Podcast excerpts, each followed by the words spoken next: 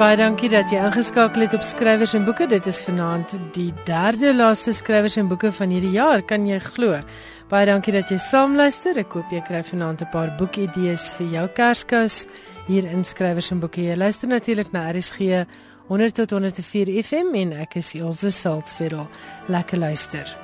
Ons kom die program af met so 'n paar SMS'e van luisteraars. Ek wou verlede week weet na aanleiding van Johan Meiburg se lysie van gunsteling boeke vir 2016 wat ons luisteraars gelees het in Afrikaans hierdie afgelope jaar. Mariana Nel van Bloemfontein het laat weet hy Ilse Dion Meyer se Koors was my gunsteling fiksieboek vir 2016. En Mishandel misbruik misken van Karla van der Spuy was my gunsteling nie fiksieboek vir hierdie jaar. Dit is Mariana Nel van Bloemfontein. Hier is 'n SMS waar die persoon vergeet het om sy of haar naam by te sit en sy gunsteling boek vir 2016 was Op 'n dag 'n hond deur John Miles. Ons gesels volgende week toevallig met John Miles hier in skrywers en boeke, so maak seker jy luister saam. Letty het laat weet immer wes van Irma Joubert. Was ek spyt toe ek die boek moes toemaak en besef ek het dit verslind. Ek hoop sy is besig met 'n nuwe boek. Dit is dan Letty, maar sy was nie alleen wat vir Irma Joubert gekomplimenteer het en as hulle gunsteling skrywer hierdie jaar aangewys het nie. Uh iemand anders, naamloos ongelukkig skryf Irma Joubert se boeke is tops. Ek is mal oor haar boeke. Ek is 'n pensionaris, so die geldjies is maar min en ek kan nie altyd haar boeke koop nie. En 'n derde luisteraar, ook anoniem, het laat weet Irma Joubert se boeke is almal die beste en die mooiste. Ek het dit 3 tot 4 keer deurgelees en baie dankie. Ek wag nou vir die ander wat moet volg. Dan is daar Wilna Adrianse se woorde sal sê Ina het laat weet dit was vir haar 'n ongelooflike boek. Iemand anders het laat weet baie dankie vir die aanbeveling van die jeugboeke. Ons het vir my niggie 11 dae in Parys gekoop. Nou hoop ons maar net sy geniet dit. En dan het iemand gevra of ek Johan Kreer se boek se naam net weer kan gee. En baie dankie vir die wonderlike program. Dit is Janie wat so sê. Janie, die boek deur Johan Kreer waarna Johan Meiburg verwys het, se titel is Die formidable Ling Hou. Dit is dan so 'n paar luisteraar SMS'e stuur gerus vanaand ook vir my SMS en laat weet my wat jy geniet het om te lees die afgelope jaar in Afrikaans fiksie sowel as nie fiksie. Die SMS nommer is 34024 en elke SMS kos R1. Nou vir iets heeltemal anders, iets lekker vars. Dis nie in Afrikaans nie, dit is 'n Suid-Afrikaanse Engelse boek deur Sally Andrews, maar ek is doodseker daarvan dit gaan wye byval vind. Ons luister nou na 'n audioboek opname aan ons beskikbaar gestel deur BookTalk en dit is uit Recipes for Love and Murder. 'n Tannie Maria Mystery. En die voorleser van Sally Andrews se boek is Sandra Prinsloo. Geniet dit. Isn't life funny? You know how one thing leads to another in a way you just don't expect. That Sunday morning, I was in my kitchen stirring my apricot jam in the cast iron pot. It was another dry summer's day in the Klein Karoo, and I was glad for the breeze coming in the window. Mmm, you smell lovely, I told the appelkoos confit. When I call it apricot jam, it sounds like something in a jar from the Spar supermarket. But when it's confit, you know it's made in a kitchen. My mother was Afrikaans and my father was English, and the languages are mixed up inside me. I taste in Afrikaans and argue in English, but if I swear, I go back to Afrikaans again. The appelkoos confit was just coming right, getting thick and clear, when I heard the car. I added some apricot kernels and a stick of cinnamon to the jam. I did not know that the car was bringing the first ingredient in a recipe for love and murder. But maybe life is like a river that can't be stopped, always winding toward or away from death and love. Back and forth. Still, even though life moves like that river, lots of people go their whole lives without swimming. I thought I was one of those people. The Karoo is one of the quietest places in South Africa, so you can hear an engine a long way off. I turned off the gas flame and put the lid on the pot. I still had time to wash my hands, take off my blue apron, check my hair in the mirror and put on the kettle. En die stem wat so perfek lewe gee aan die nimmerlike Tannie Maria uit Recipes for Love and Murder, 'n Tannie Maria mystery is natuurlik niemand anders nie as Sandra Prinsloo. Hierdie audioboek is beskikbaar by Exclusive Books and the Listeners Library en dit kos R599.95 vir 11 CD's as jy dit by Exclusive Books sou koop as 'n audioboek. Dit word uitgegee deur WF House Limited in Brittanje en ek het dit gebruik met die vergunning van die plaaslike verspreiders. Baie dankie daarvoor. En Sally Andrews sit by my in die ateljee alipad uit Lady Smith in die Klein Karoo. Sally, baie welkom by Skrywers en Boeke. Thank you, Ilse. Sally Tannie Maria is besig om kultusstatus in Suid-Afrika te verwerf. Sy is 'n baie unieke karakter. Ons gaan later daaroor praat met jou boeke ook in 'n paar oorseese tale vertaal. En ek wil weet waar kom Tannie Maria vandaan want sy is 'n redelike eksentrieke karakter en dit wat sy doen en dit wat jy skryf in hierdie boeke is redelik ver verwyderd van wat jy noem jou vorige lewe as 'n baie ernstige joernalis oor baie ernstige temas. I wasn't actually an investigative journalist, but I did some non-fiction writing, creative non-fiction. And I, I studied adult education was my background. And before that, I think kind of how I would have defined myself is an activist. So from 1976, when I wore first wore a black armband, uh, my my parents kept me informed of what was going on in the country. I was driven by what was happening politically.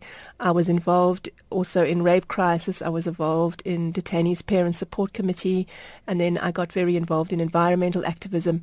So all my writing and education activities up until the last few years were very much politically based.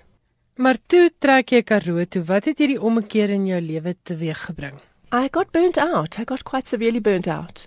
And I decided that as much as I wanted to save the world, I also needed to do what makes me happy. My partner's a wilderness artist, Bowen Bosher, and he does drawings of wildlife and trees, and we often go on these long bush trips.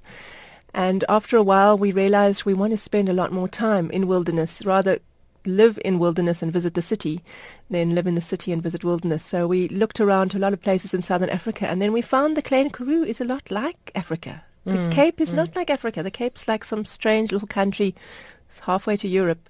But the Klein Karoo has that deep bush feel, the old the thorn trees, old guarri trees, the smell of rain, and where we live on a game farm, our neighbors are yelant and quachas and leopards. So we really connected with the wildness of the place and then came to really enjoy and love the small towns nearby to us and the people in the small towns. So we live very close to Ladysmith and Ladysmith is where Tani Maria lives just outside Ladysmith. And she also lives in a nature reserve or on She lives just outside so she has so it's a short drive into town, mm. but the whole area around the Klein Karoo is quite wild. So she she has bokmakiris and jakkals and mm. leopards and such things passing by. Ek wil nou weet hoe baie is jy en Tannie Maria dieselfde? Ek hoor julle gesels dieselfde. Sy praat ook van konfyt en jakkals en eland. Is jy Tannie Maria? No, but although she serves quite a purpose in my psyche. Ek is baie lief vir Afrikaans. My my Afrikaans onderwyseres by die skool was wonderlik. My eerste kerel was Afrikaans. So it is something that I love, but I'm a she I'm a skinny Engels Macy and she's a dik Afrikaans tannie. well, as you see from the, from the uh, intro, she's half Afrikaans, half English, which I made in case I got some of the Afrikaans stuff wrong, and people said, "Yeah, Afrikaans vir ons al nooit daai ding doen nie." Then I thought, no, well, her father's English, so that can account for some of her weirdness. Let me just uh, correct you there. She's not a dik Afrikaans tannie. She's short and soft perhaps a bit too soft in the wrong places, quote unquote from your book. That's correct. She's a wonderful character though. After burning out and after having to come to terms with a new life away from hard journalism and, and um, hard issues, how did this process happen in your head to find Tani Maria? Sure. How does the thought begin?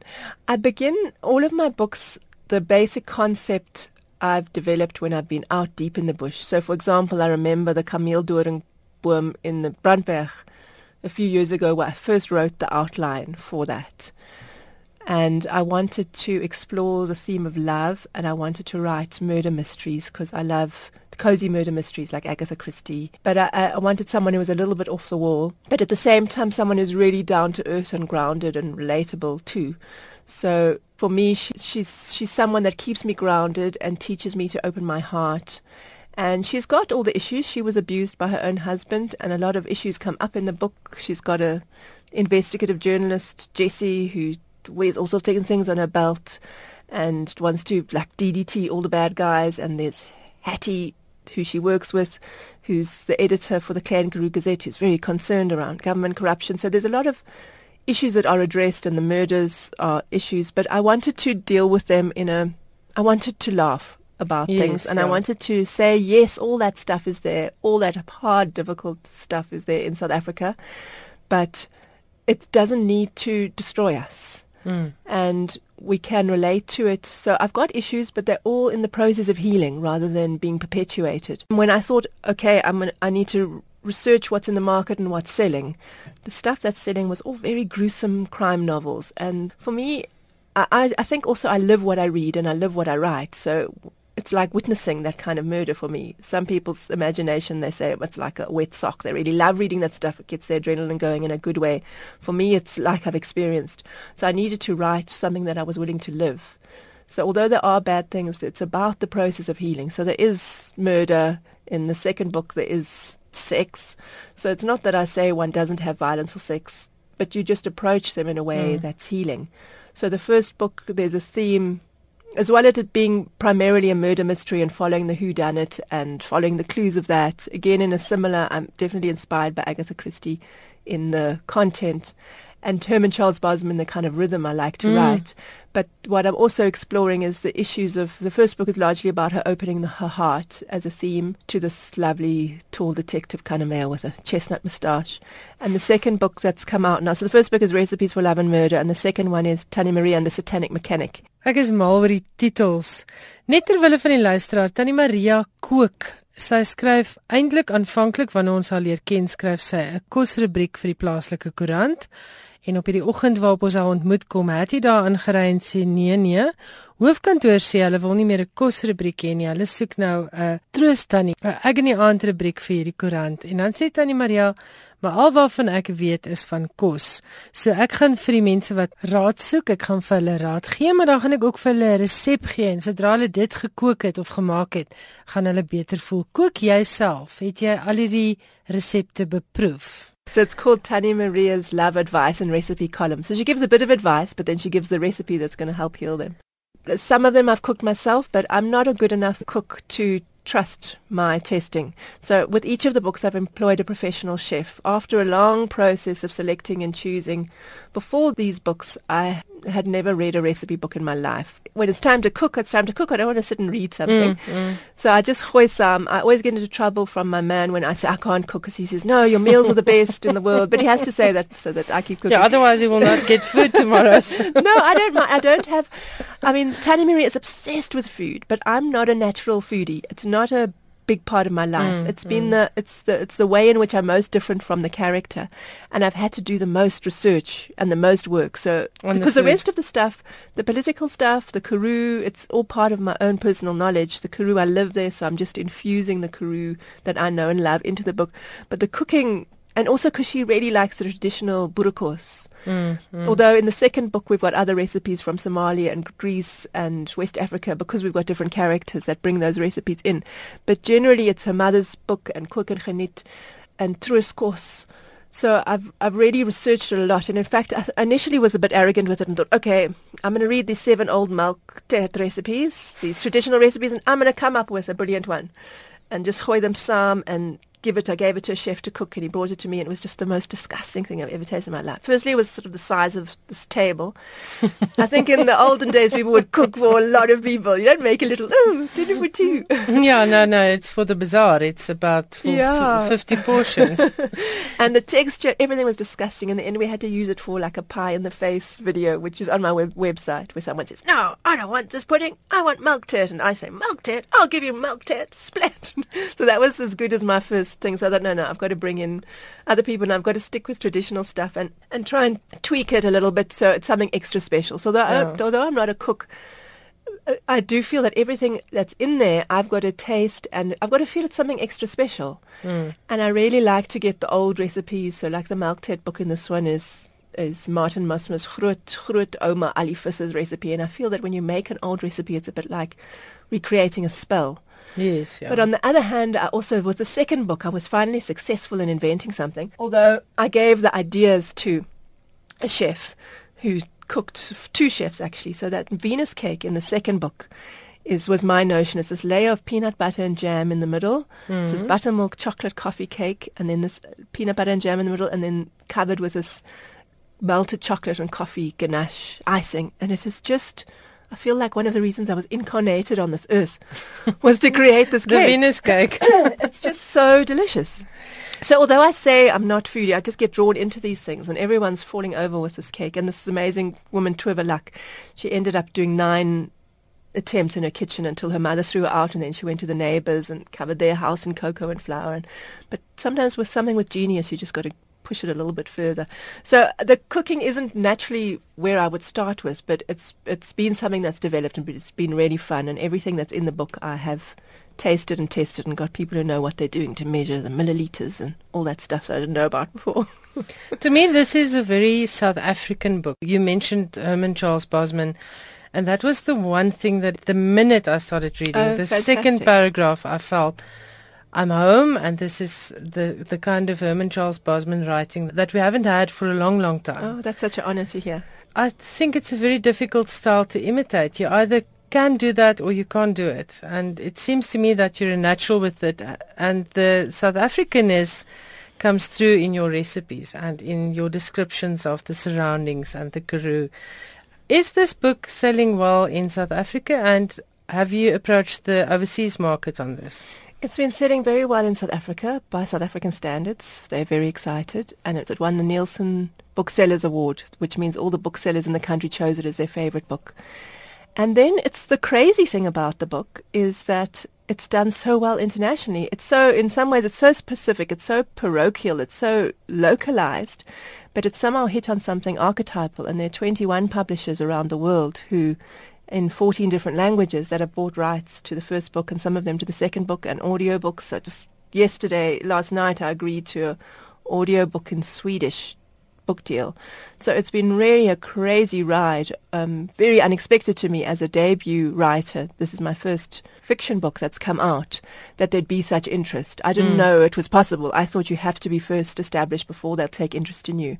But there, I've got a fantastic agent with Blake Friedman Literary Agency who took the book on.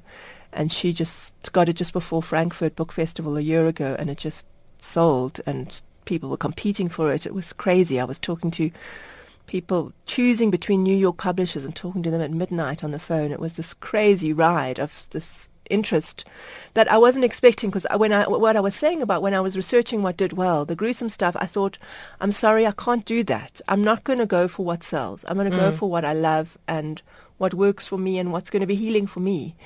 And also hopefully healing for others. And I just went my own path. And mm. and in a way, it's quite weird because I went to the Karoo to hide under a rock moss. Mm. And then I got pulled out into the rest of the world after a little while. So I'm having to mouse up and get ready to come back to the world. And you're obviously working on more Tannie Maria books because you've got the two out now, and I hope there's lots more where this comes from. Yes, I'm busy. I'm well into book three. I'm 30,000 words into book three.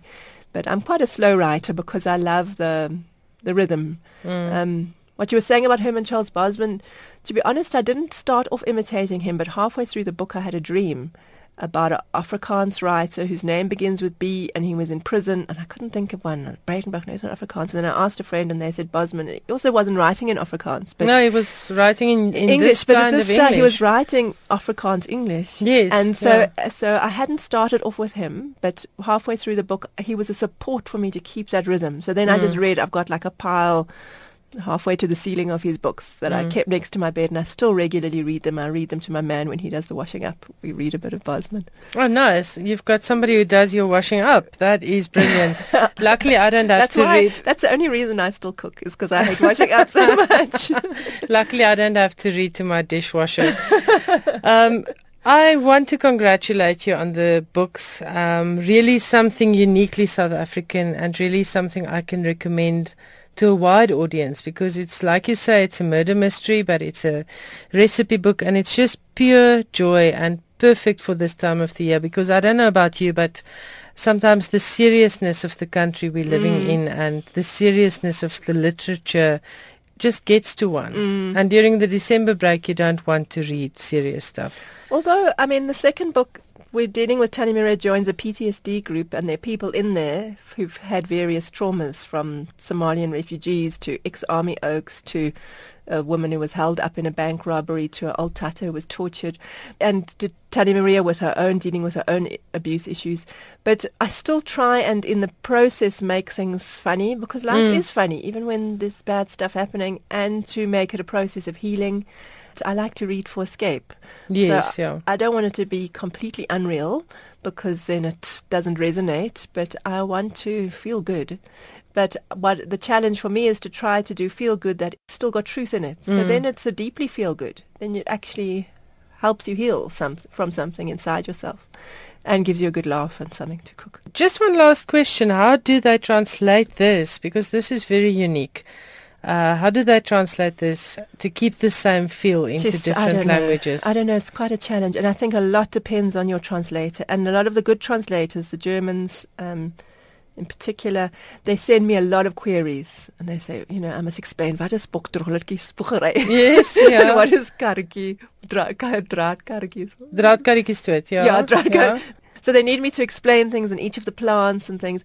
But partly how they do it is they leave a lot of the words in Afrikaans. So it's And they've got a glossary and then they've the got back. a glossary at the Mm. back. So so a lot of so it's quite weird to get because I've been sent get starting to receive the Polish books and the Italian books. I'm, I'm open these books and they're written sort of da da da da da Italiano and then appelkoos confit. da, da, di, la, la, la. so they keep the words in and then explain them. But I do write it. I mean, I- early on I had an American editor. I do try and even in the next sentence I will make so I'll say apple appelkoos confit and then. in the next sentence, I'll say apricot jam. Yes, yeah. So it will be Sort of apparent kind of subconsciously. I try not to make it too obvious, yeah. but it'll be apparent what the meaning of the word is. So the glossary is just a bonus. Mm, mm. Because I don't like it when I read a book and then I'm thrown. Initially I was all hardcore about it. No, dis Afrikaanse woorde ons moet hulle nou net so hulle is. And then Mhm. I realized that I read a book, I'm reading it in English and then they throw in French words and I, I don't see why I should. I'm reading a book in English. Mm. So, but then I, I have seen how you can present it in a way that you still understand it. And then the glossary is really just for interest if someone wants to know, you know, what does poepbang mean? Sê my, is skryf moeilik al is dit nou 'n baie makliker onderwerp of skryf jy makliker aan Maria in al haar kaskanades? It's so different, but this just gives me such joy. It's just fills me up. It's just pure bliss. I still can't believe someone's paying me to do what I love. I'm really, really enjoying it. And just to be able to go with the flow and to create whole worlds. It's hard work. It's different kind of hard work. I mean, I can spend, I'll try and do a chapter a day and then I'm, I'm quite finished. It's like I've given myself to something. I've entered another world altogether, lived in that world, done a whole thing that begins and ends, often doing quite intense things because there's murder involved, etc. But um, so it's hard, but the, it just feels so rewarding. I'm just on a high on the days that I write, and most days. I, I mean, I have a lot of other admin and other things I can I have to do, so I can't always sit and write. But every day I write. There are very few days where it doesn't feel good and flow. Mm. So I don't get maybe because I don't put in all that many hours. If I had more hours, I'd get more stuck. But I do what I do, and then it's just the feeling is fantastic. It's like standing in a stream of water, which is something I like to do physically as well. But um, Not that much water around in the Karoo. no, but so- we we've got little strumpis near us, and I always go and jump in them, even if they're little puddles. The woman so enthusiastic about life and about her writing is Sally Andrew. Sally, thank you so much for coming to Johannesburg to introduce Tani Maria to us. Good luck with all her adventures and also good luck with your own writing. Thank you so much, Ilse. Thanks for having me here. Ek het met Sally Andrew van Lady Smith gesels. Sy is natuurlik die skrywer van Recipes for Love and Murder, 'n Tannie Maria mystery waaruit ons ook 'n uittreksel gespeel het. En dan die tweede boek se naam is Tannie Maria and the Satanic Mechanic. Albei word uitgegee deur Umutsi, 'n onderafdeling van Penguin Random House. En die boeke kos onderskeidelik R220 en R230 rand. En soos ek sê, ek kan dit wyd aanbeveel. Ek dink dit is iets wat by die meeste Suid-Afrikaanse lesers Afrikaans en Engels gaan byval vind. As jy nou pas ingeskakel het, hierdie is RSG 100 tot 104 FM. Ek is Elsje Salzveld Baie welkom en ek hoop jy geniet die program.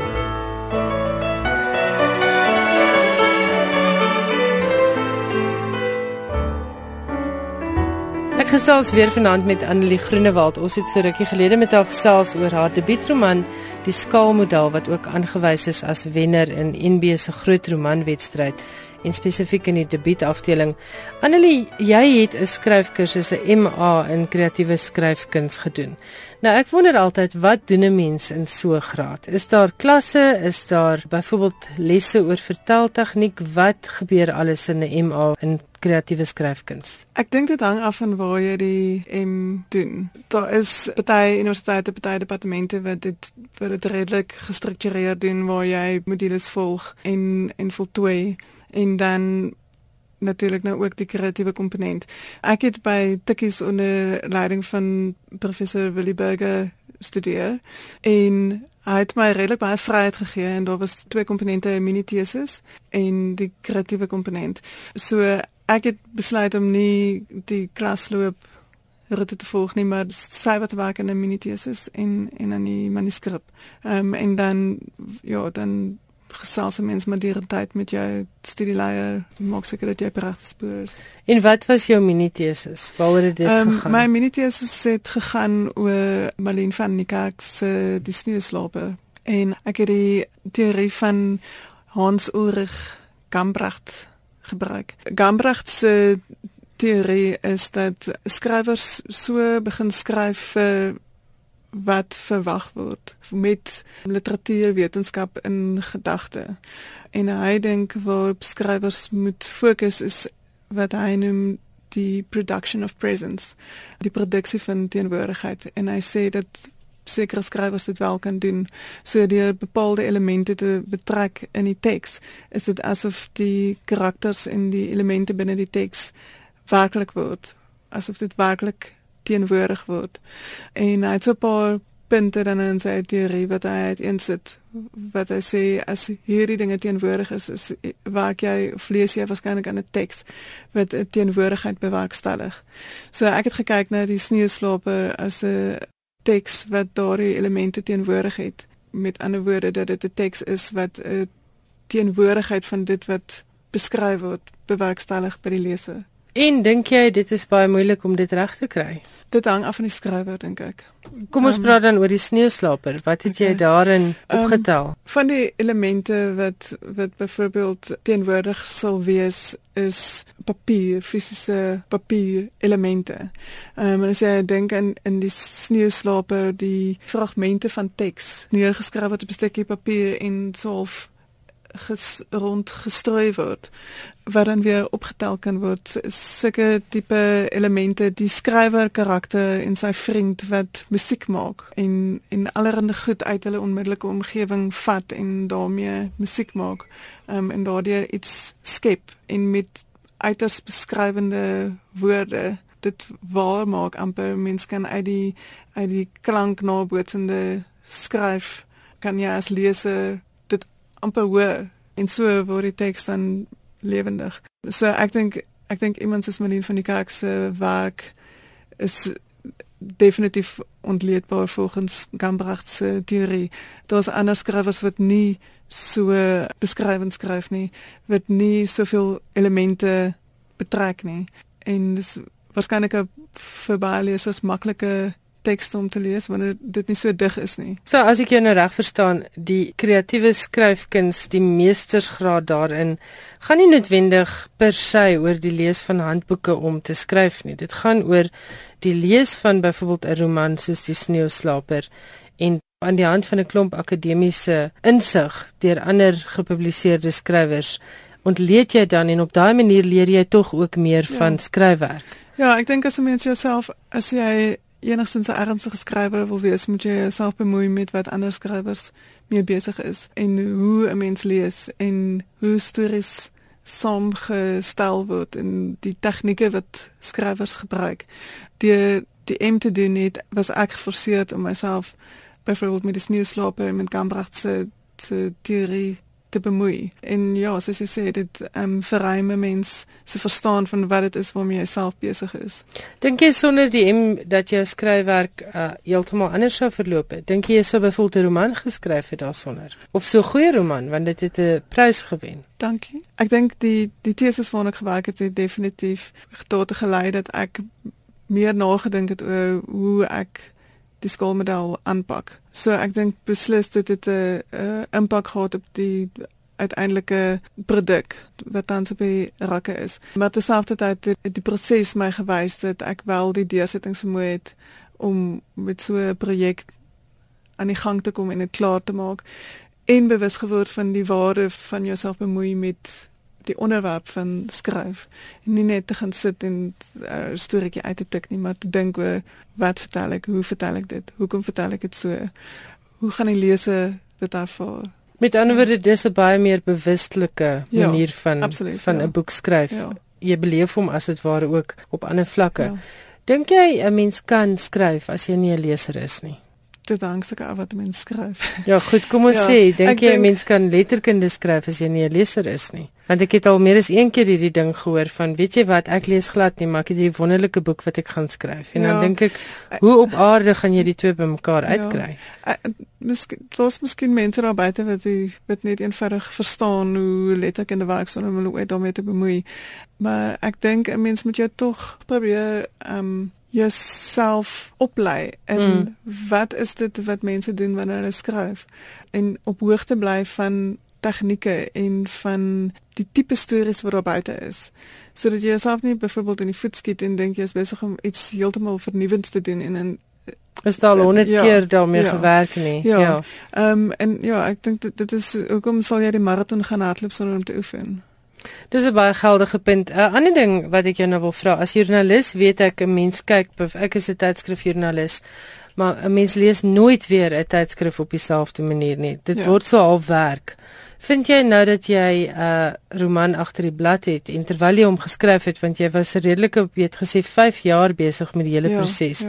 Kyk jy nou anders na romans? Kan jy nog lees vir ontspanning? Ek kan nog lees vir ontspanning, maar dit hang ook af van die boek, maar ek lees beslis baie meer bewustelik en en ja, beslis baie meer krities. Krities, maar tog met met die wete dat ander skrywers my op dieselfde manier waarskynlik lees.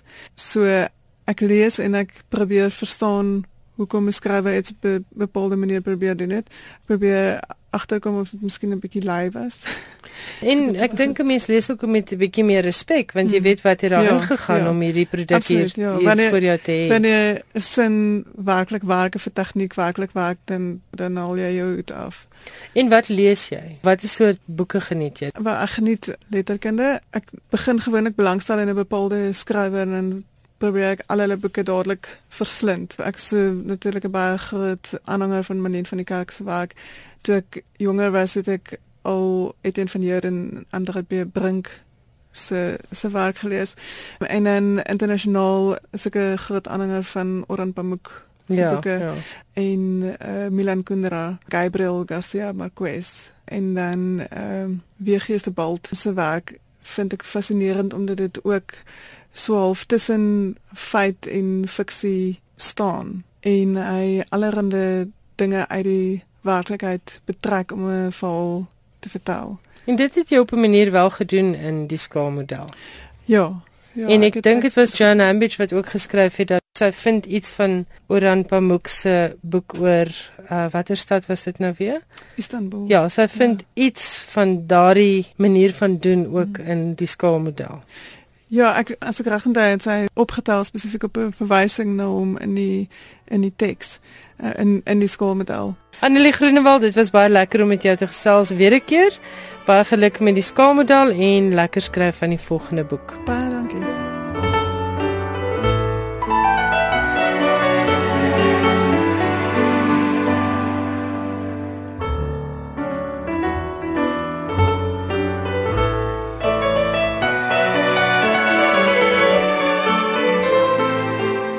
Johan Meiberg sit nou hier in die ateljee en lag vir my want hy gebruik nou my eie woorde en sê hy het vanaand vir ons 'n hotspot van uh interessanthede uit die internasionale letterkunde. So Johan, wat is alles in jou hotspot? Ja, dit is 'n wye verskeidenheid.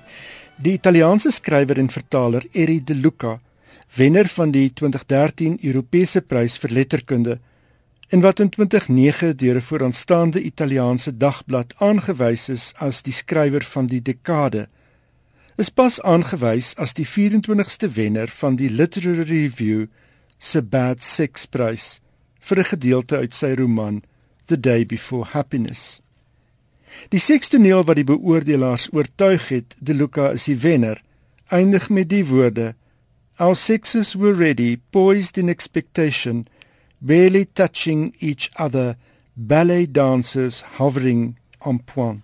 Ja, dit klink vir my dat prys verdien, laat ek dit so stel. Die Bad Sex Prys is in 1993 ingestel en volgens Oberon Warren, wat toe die redakteur van die Literary Review was, is die oogmerk met die prys om die aandag te vestig op swak geskryfde of agtelose uitbeelding van seks in fiksie. Deur die jare het die prys een geword wat skrywers probeer vermy. De Lucas se voorgangers wat almal die prys verower het, sluit in Melvin Bragg, Sebastian Fox, Norman Mailer en Ben Okri.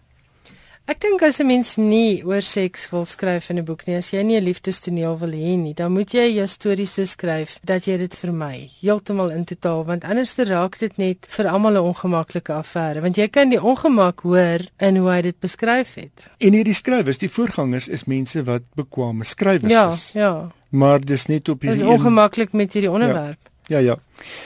In watter land word die meeste boeke per capita gepubliseer? Met 5 titels vir elke 1000 lesers behoort die rekord aan IJsland. 'n Boeke is boonop as Kersgeskenke 'n nasionale tradisie in IJsland. Volgens Literary Hub boeke, nie e-boeke nie. Volgens Baldur Bjarnason, 'n navorser wat IJslandse leesgewoontes bestudeer, koop IJslanders ook meer boeke per jaar as mense in ander lande, soos die FSA en Brittanje. Daar is tans sowat 319000 mense wat IJslands praat. In 2009 het die openbare biblioteek in Reykjavik, die hoofstad met 'n inwonertal van sowat 200000 mense, meer as 1,2 miljoen boeke uitgeleen. Daar is 'n gewilde program op IJsland se TV wat net aan boeke gewy word. En in 2011 is Reykjavik aangewys as UNESCO se literatuurstad. Die tradisie gaan baie lank terug, sover as die middeleeue en die van die ou Noorse sagas en die poëtiese Edda. Dink jy die weer speel 'n rol? Waarskynlik is dit 'n eh, is dit een is nie 'n buitelug land nie. Ek weet nie wat die antwoord is nie, maar hierdie tradisie wat hulle het wat so ver teruggaan as die jaar 1100, moes tog seker ook rol speel. Fantasties. Ek wens ons kan by 'n punt kom waar ons net vir mekaar weer begin boeke gee. En waar ons 'n televisieprogram het wat net oor boeke gaan. Ja, ons het daarom nou op kyk net het ons uh, Bibi Slippers se boekprogram in die bed met Bibi, maar dit is die eerste waarvan ek weet wat uitsluitlik aan aan Afrikaanse boeke gewy word. Hierso is sommer ietsie vir die luisteraars. Ons probeer julle onwillekeurig beïnvloed om net boeke te gee vir Kersfees, maar ons hoop maar julle luister na ons. Selfs willekeurig. Ja, ja, ons doen dit so openlik. Eben Venter se Trencherman, die vertaling van sy Afrikaanse roman Horrelpoot van 2006, is op die Financial Times se Londen uitgawe se lys van uitstaande boeke van 2016. Die boek is ingesluit in die kategorie vertaalde boeke. Trencherman is vertaal deur Luke Stubbs en uitgegee deur Scribe. Venter se distopiese verhaal versin Suid-Afrika na 'n kernramp. Die protagonis, Malo, met 'n kopnik in die rigting van Joseph Conrad, is 'n Afrikaner wat terugkeer uit die buiteland na die familieplaas in die Oos-Kaap. Daar tref hy Koert aan wat die septe swaai oor vigsgetuisterde plaaswerkers. Die koerant beskryf die boek as 'n chilling feat of speculative fiction. Venter se boek word gereken in die geselskap van onder andere Han Kang, vanjaar se wenner van die International Man Booker Prys vir haar The Vegetarian, se roman Human Acts. Karel Ove Knuskor vir Some Rain Must Fall en Ismail Kadare se A Girl in Exile. Kadari was die eerste wenner van die International Man Booker Prys. Die Britse performance-digter en sanger Kate Tempest is benoem vir die Costa Prys in die kategorie vir poësie. Die prys, vroeër bekend as die Whitbread-prys, word jaarliks toegekend aan verdienstelike boeke deur Britse en Ierse skrywers. Die Costa-pryse word toegekend in 5 kategorieë: vir 'n roman, 'n debuutroman, poesie, biografie en kinderboeke. Tempest is benoem vir haar bundel Let Them Eat Chaos, wat te gelyk ook as album uitgegee is. Haar mede-benoemdes is Denise Riley, Alice Oswald en Melissa Lee Houghton. Vroue oorheers van jaar se benoemings. 14 uit die 20 benoemdes is vroue. Die mededingers vir die romanprys is Sebastian Barry vir Days Without End, Maggie O'Farrell vir This Must Be the Place, Sarah Perry vir The Essex Serpent, en die boek is reeds aangewys as Waterston se boek van die jaar, en Rose Tremaine vir The Gustav Sonate. Die volledige benoemingslys is beskikbaar by www.costa.co.uk. Die wenners word op 3 Januarie aangekondig. Dankie en ek veronderstel jy gaan later in die maand vir ons weer 'n bietjie vertel van al die kortlyste van die groot internasionale publikasies ja. want dis mos die tyd van die jaar wat dit ja. gebeur. En dan jou laaste brokkie vir vanaand?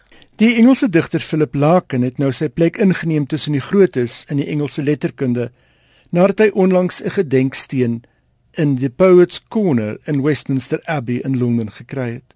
Larkin, gebore in 1922 en dood in 1995, lê begrawe in die Cottingham munisipale begraafplaas in Hull in die ooste van Yorkshire. Maar nou is hy simbolies te ruste gelê in die geselskap van D.H. Lawrence, Henry James, Wilfred Owen en Alfred Lord Tennyson. Larkin was 30 jaar lank universiteitsbibliotekaris by die Universiteit in Hull en het sy eerste bundel, The North Ship in 1945 uitgegee.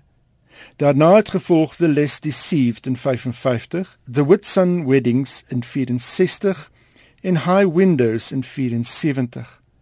Hy was van 1961 tot 71 The Telegraph se jazz kritikus. Hy was die samesteller van the Oxford Book of 20th Century English Verse wat in 1983 verskyn het. Na die dood van Sir John Benjamin is die pos van Poet Laureate hom aangebied wat hy van die hand gewys het. Poets Corner in die Westminster Abbey is die plek waar die vooraanstaandes in die Engelse letterkunde of begrawe lê of met 'n inskripsie gedenk word. Die eerste skrywer wat in die suidelike vleuel van die abdij begrawe is, is Geoffrey Chaucer in 1400. Jan baie dankie ons gesels volgende week weer.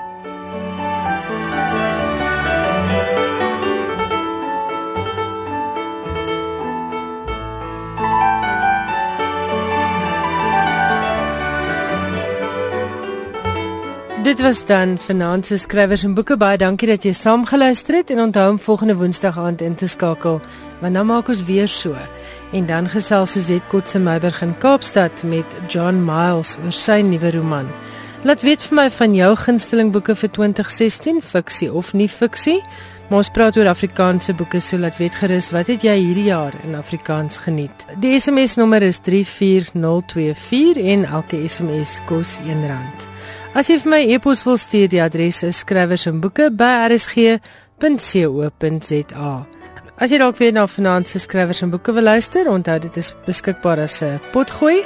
Of as jy dalk hierdie vakansie bietjie wil inhaal op al die boeke nuus van die jaar, al die potgoeie van die Skrywers en Boeke programme van 2016 en ek dink tot sover terug as 2013 is op www.rsg.co.za. Waar jy ook al gaan hierdie lang naweek, reis veilig, geniet dit en ons gesels volgende Woensdag aand weer. Totsiens.